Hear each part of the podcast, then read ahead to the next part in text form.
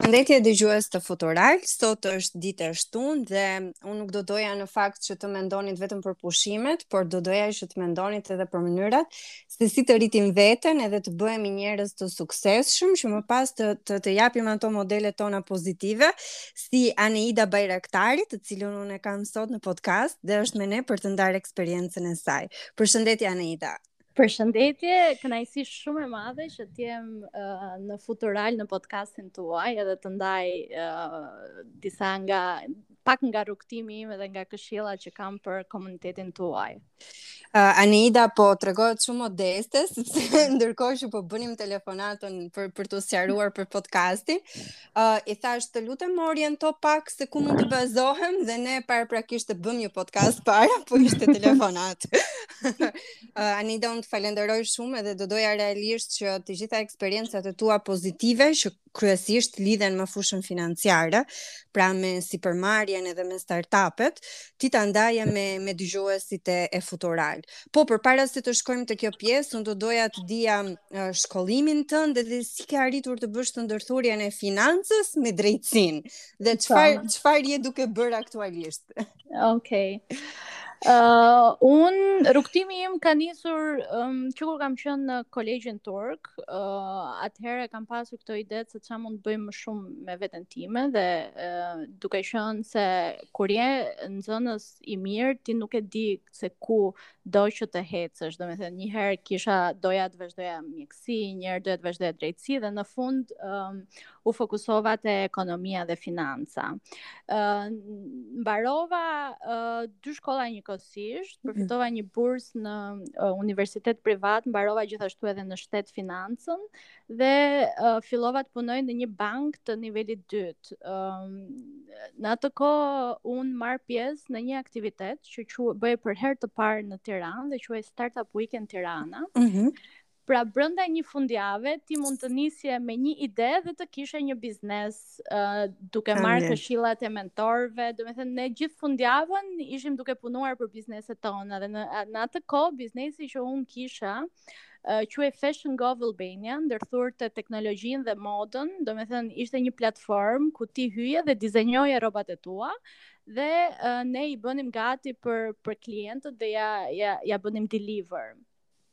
Ëh, uh, fitova një çmim inovacioni dhe m'u ofrua një internship për ta zhvilluar këtë këtë biznes dhe unë mm -hmm. në atë kohë domethënë kur ja shpjegoja prindërve që shiko se do hap një biznes. si e pritën të kuptohen? E ke parasysh? Po. Prindrit me atë mentalitetin e vjetër që nuk nuk është se i konceptojnë shumë këto gjëra që nuk janë të prekshme siç është teknologjia. Vërtet. Dhe përgjigja standarde ishte po pse merresh me këto gjëra? Vazhdo punën tënde.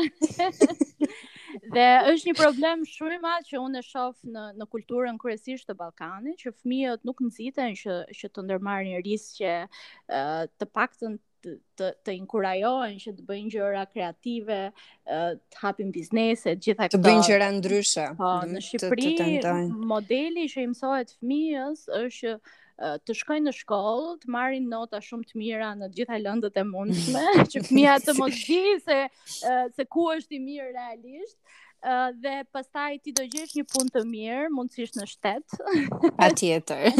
që që të kesh pushimet e verës, të bësh mësues. Dhe shumë gjëra. Po po. po. Uh, kryesisht në shtet dhe më pas ti do martohesh dhe do bësh fëmijë. Domethënë, ky është uh, modeli që i mësohet fëmijëve në Shqipëri dhe kryesisht në, në kulturën e Ballkanit. Uh, Startup Weekend në atë kohë mua më, më ndryshoi krejtësisht mendësinë, domethënë, unë kurrë nuk e kisha menduar që unë mund të boja një biznes, vija nga një familje shumë e thjeshtë, uh, me prindër të punëtorë që nuk nuk më kishin folur kurrë për biznes, as nuk kisha dëgjuar.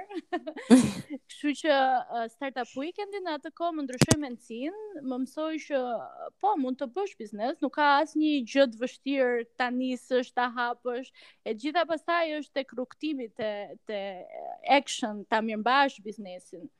Dhe un, aha, për të përballur me me të gjitha këto këto ndryshime, sepse fillimisht ti e mendon tek vetja që a do ja dal unë mbanë të të bëj diçka që është kaq inovatore. Uh, shiko, kur je kur je i ri, un kam qenë 22 vjeç, uh, para 10 vitesh kjo gjë, kur je i ri, uh, ke shumë guxim dhe nuk nuk mendon shumë. Uh, kur në në fazën që un jam tani 32-33 vjeç, që kam disa përgjegjësi, mendohem pak më shumë qoftë se dua të bëj një gjë të re sepse kam familje, ë uh, ka gjëra që ti mund t'i humbasësh. Ndërsa kur je 22 vjeç nuk ke shumë për të humbur. ë uh, Domethënë mendësia ka qenë just do it. është, domethënë, çfarë do humbja unë qoftë se e nisja. Do ta provoja. Dhe në fakt, unë um, e lashë atë punën që kisha dhe fillova një internship të papaguar që ta zhvilloja biznesin dhe ne unë bashkë me atë vajzën që ishte co-founder i biznesit, punuam për tre muaj, bëmë platformën dhe e nisëm në atë kohë si një lloj eBay që njerëzit shisnin rrobat e veta. Mm -hmm. Dhe në fakt, Zgjati rreth një vit dhe unë pastaj mora një ofertë pune shumë të mirë që nuk mund ta refuzoja dhe dalëngadalë biznesi vdiq, domethënë. Në qoftë se do isha në këtë kohë kur uh, të rinjtë shqiptarë kanë mundësira pafund, sepse tani ke accelerators, ke incubators, ke mentorë, ka shumë tools që ty të ndihmojnë që të zhvillosh biznesin. Në atë kohë um, unë ndihesha shumë vetëm dhe siç e the ti kisha këto pasiguri, sado që sado që e nisa prapë uh, gjatë rrugës ka shumë gjëra që që të pengojnë. Kështu që ky ishte dështimi me sukses i biznesit të parë.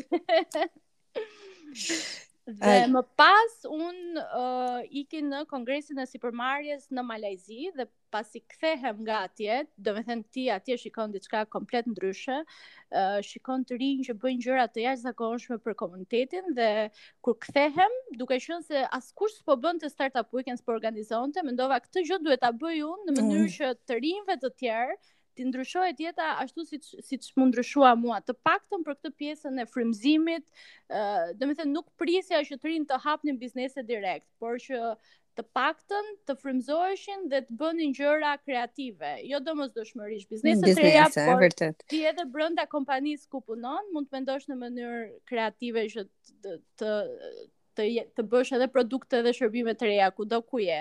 Jo si është ky realitet tek të rinjtë në Shqipëri? Janë të interesuar, ka ka reagime, ka dëshira për për të shfaqur ide Po po, të rinjtë janë, domethënë të rinjtë shqiptarë kanë shumë energji. Ë uh, ajo që duhet bërë nga organizatat, nga të gjithë ata që punojnë me të rinjtë është që të kanalizohet kjo energji sa më mirë. Domethënë energjia mos të harxhohet nëpër kafe, duke u marrë me social media uh, në mënyrë jo jo funksionale për ata. Domethënë social media është shumë e mirë, por në qoftë se ti rri kot tërë ditën, është një humbje kohe. Dhe ideja është që ka organizata, ka aktivitete shumë të mira që punojnë të paktën me këtë pjesën e mindset, me frymëzimin që të rinjtë të frymëzohen për të përdorur të paktën teknologjinë, inovacionin që të zgjidhin probleme aktuale që që komuniteti ka. Ë për të mos përmendur pastaj që shumë të rinj që kryesisht punojnë në teknologji ë uh, informacioni, punojnë për kompani ja shumë të mëdha, ë.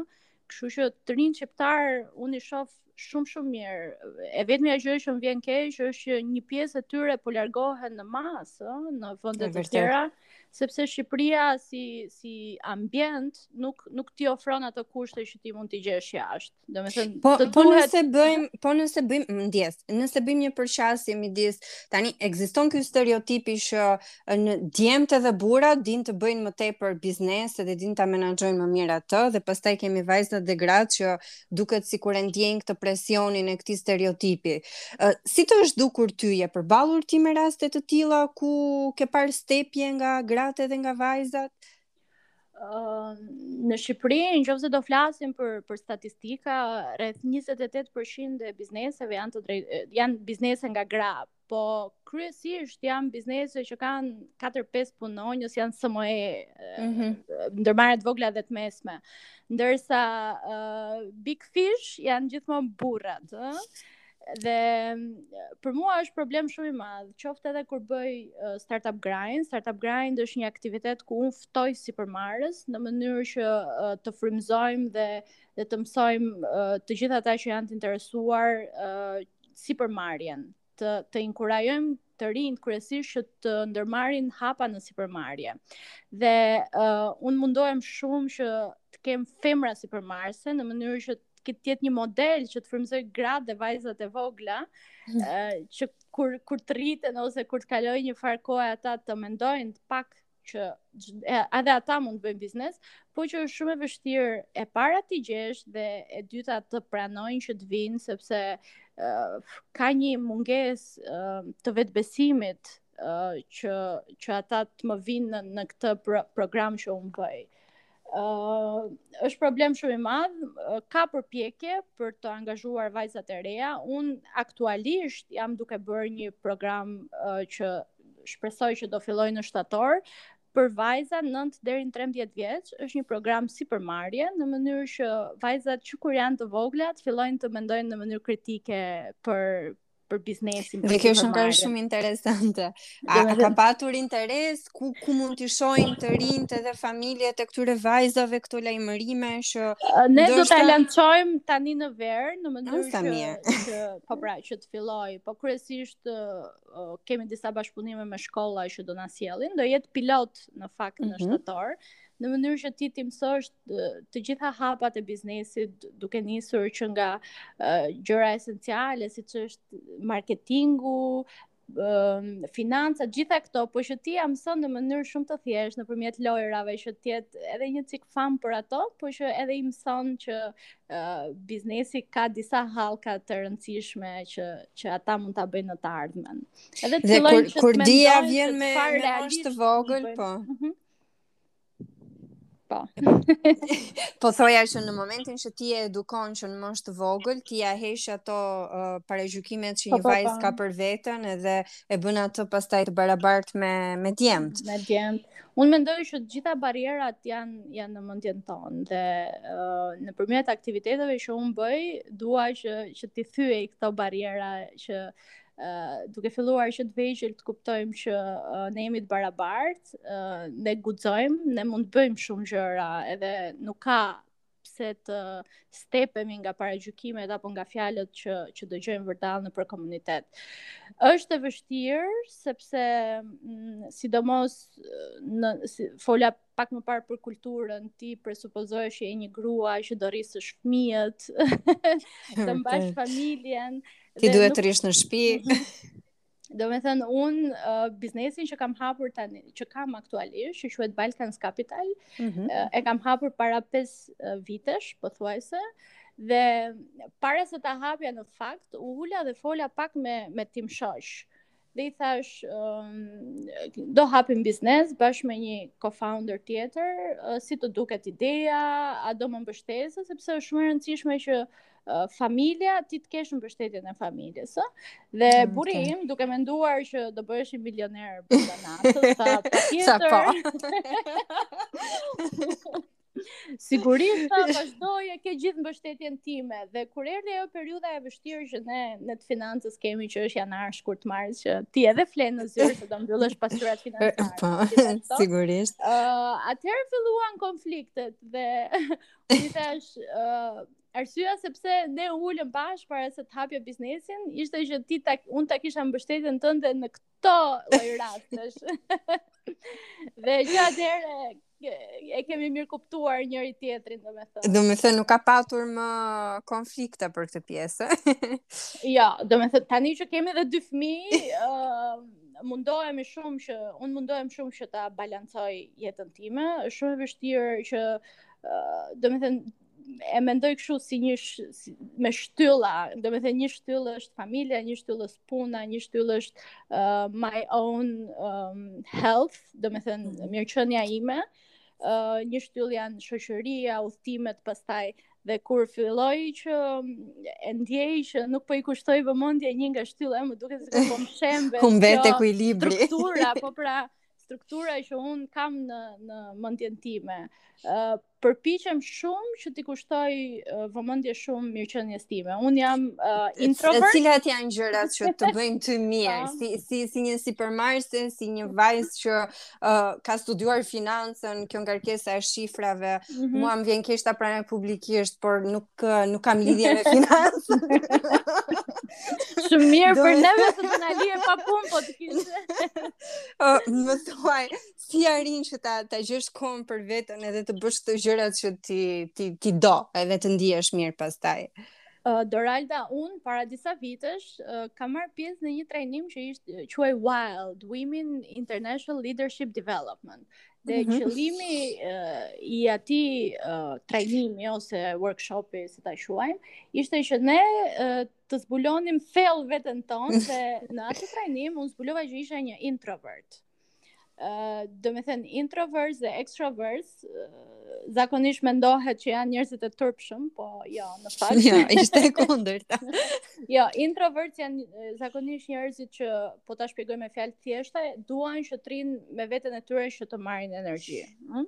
Domethënë, mm -hmm. shumë uh, human interaction i love. Ndërsa extrovertët uh, bëjnë kështu recharge duke folur sa më shumë njerëz, duke ndetur me sa më shumë njerëz. Dhe um, mënyra se si unë um, më, ka, më ka shërbyer kjo gjë që zbulova ke vetja, Për shembull, më përpara lija takime, i mbyllja të gjitha takimet që mund të kisha në javë, i lija në një ose dy ditë. Dit. Në fund të ditës, domethënë isha exhausted, dhe thoja me vete, ka një gjë që s'shkon. Nuk e kuptoja. Ndërsa tani mundohem që të balancoj punën që un bëj vetë dhe punën që uh, kam interaction me të tjerët, uh, ose takimet. Mm -hmm. Nuk lë më 3-4 uh, takime rresht, se për mua është shumë e lodhshme. E lodhshme, vërtet. Uh, mundohem gjithmonë që të kem një orë në mëngjes për veten, domethënë zgjohem herët, uh, kam ato rutinat e mia që shof uh, planet ditore të gjitha këto, mm -hmm. uh, dhe pastaj ia kushtoj vetes, ose lexoj, ose dëgjoj uh, dëgjoj uh, podcast ose YouTube motivational videos që unë i kam shumë qejf, është një program nga uh, një djalë që quhet Tom, uh, Impact Theory, uh, që usually flasim për uh, se si psikologjia jonë trurit, çdo gjë që ne bëjmë uh, janë, domethënë truri në funksionin e asaj që bëjmë, që ne bëjmë, mund ta po. përdorim më mirë energjia që ne kemi gjitha këto. Uh, mundohem gjithmonë që të gjej um, forma, mënyra, trajnime, çdo gjë që ta përmirësoj veten time në mënyrë që t'i shërbej edhe më mirë të tjerëve, ëh. Uh, unë zakonisht mentoroj të rinj shumë për pjesën e biznesit, uh, si mund të ndërmarrin risqe, të gjitha këto dhe e mendoj gjithmonë, qoftë edhe në biznes, edhe në fondacionin që drejtoj, qoftë se unë um, rritem profesionalisht, mund të shërbej, mund t'i shërbej më mirë të tjerëve. Dhe kjo është e gjitha pse pse e bëj. Dhe është është shumë e drejtë sepse nëse ti investon tek vetja, pastaj e ke shumë më të lehtë për të kuptuar se çfarë çfarë është e nevojshme për t'u ndarë tek të tjerët. Anida, a kemi një plan, a kemi një projekt që ne do marrim sot informacion në lidhje me startupet. Uh, më the pak më herët që në tetor është programuar një startup.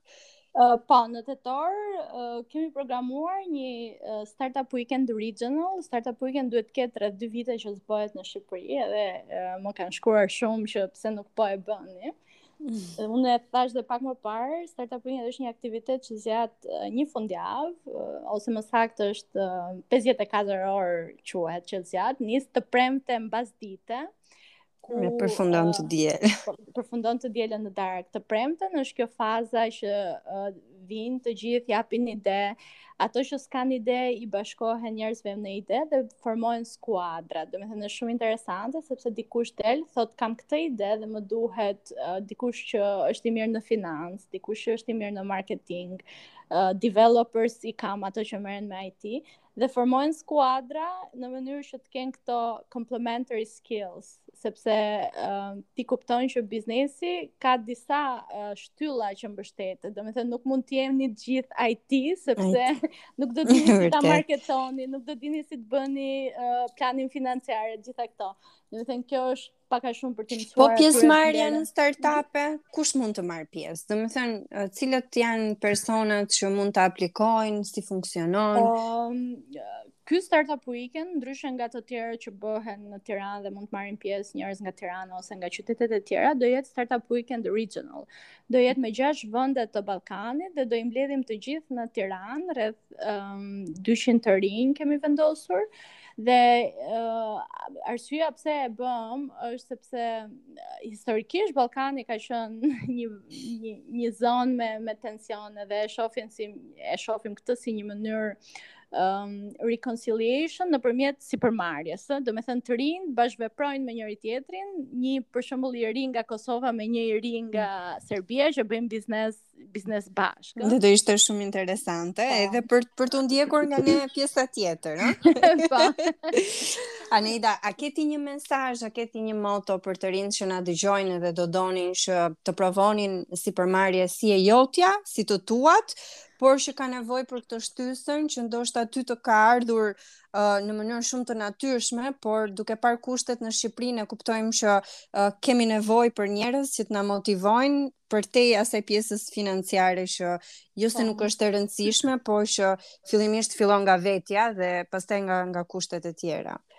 Në fakt se e përmende pjesën financiare për këtë çështjen e biznesit, ne e kemi provuar gjithë këto vite që bëjmë aktivitete që uh, pjesa financiare nuk është gjithmonë ajo që që na mungon, ë. Uh, unë mund t'i jap një grupi të rinjve uh, një shumë parash dhe ato nuk do dinë si të bëjnë biznes, nëse dikush, po pra, nëse dikush nuk ia nuk ia tregon rrugën. Dhe për shembull Startup Weekend këtë do që e ka si mision t'i tregojë rrugën në një kohë shumë të shkurtër se si ata mund të bëjnë biznes, mund ta nisin një biznes, uh, si mund të testojnë ato idetë e tyre në një uh, ambient që është i sigurt, ti nuk po del në treg të hapur, po po vjen në një ambient që um, merr feedback nga mentorë, nga specialistë të fushave për një ide tënden që ti e ke në mendje. Uh, un kam një shprehje shumë të preferuar që e kam gjithmonë në mendje, edhe është po po e them në anglisht se nuk e di se okay. më vonë në shqip. që e kam dëgjuar në një nga filmat që shohim me fëmijët e mi, Baby Boss. Dhe uh, shprehja është uh, whether you think you can or you can't, you are right. Domethënë, në qoftë se ti mendon që uh, mund ta bësh një gjë, ti ke të drejtë, në qoftë se ti mendon që s'mund ta bësh një gjë, ti prap ke të drejtë. Pra, të gjitha limitet dhe barrierat, unë mendoj që uh, i kemi tek vetja. Mendje, i kemi në mendjen tonë. Kështu që punoni shumë me uh, mendësinë tuaj, ndërmerrni sa më shumë rrisqe, domos kur jeni të ri nuk keni asgjë për të humbur. e vërtetë. Sot, sot ka biznese pa fund që ti mund t'i nisësh pa pasur kapital fillestar. Uh, unë kam parë të rinj që bëjnë biznes nëpërmjet Instagramit dhe është fantastike se si uh, një social media është bërë një tool kaq i rëndësishëm për, për të bërë biznes, për të sjellë të ardhura edhe për t'i bërë të rinjtë që të kuptojnë si, si funksionon pak a shumë biznesi me të gjitha hapat. Kështu që un e inkurajoj gjithmonë që të rinjtë që të ndërmarrin risqe kur janë të paktën në moshë të re. Pra, le le ta lëmë veten të lirë, të provojmë dhe mos të vendosim limite për të provuar pastaj se sa vlejm vlejm vërtet. Mm -hmm. Aneida, unë të falenderoj shumë për podcastin, për kohën edhe për eksperiencën që ndave me ne. Për mua ishte shumë kënaqësi. Doralda, faleminderit ty që e organizon sepse unë uh, nga të gjitha aktivitetet që bëj e kuptoj që jo vetëm të rinjtë, po të gjithë kanë nevojë që të dëgjojnë nga eksperiencat e të tjerëve, që të mësojnë, që të kuptojnë që uh, shiko se paska dhe njerëz si mua që janë të pasigurt, që ja kanë dalë edhe që edhe ata mund t'ja dalin. Kështu që uh, uroj që ta vazhdosh për shumë gjatë podcast. të falenderoj. Faleminderit. Dëgjues të Futural takohemi ditën e mërkurë.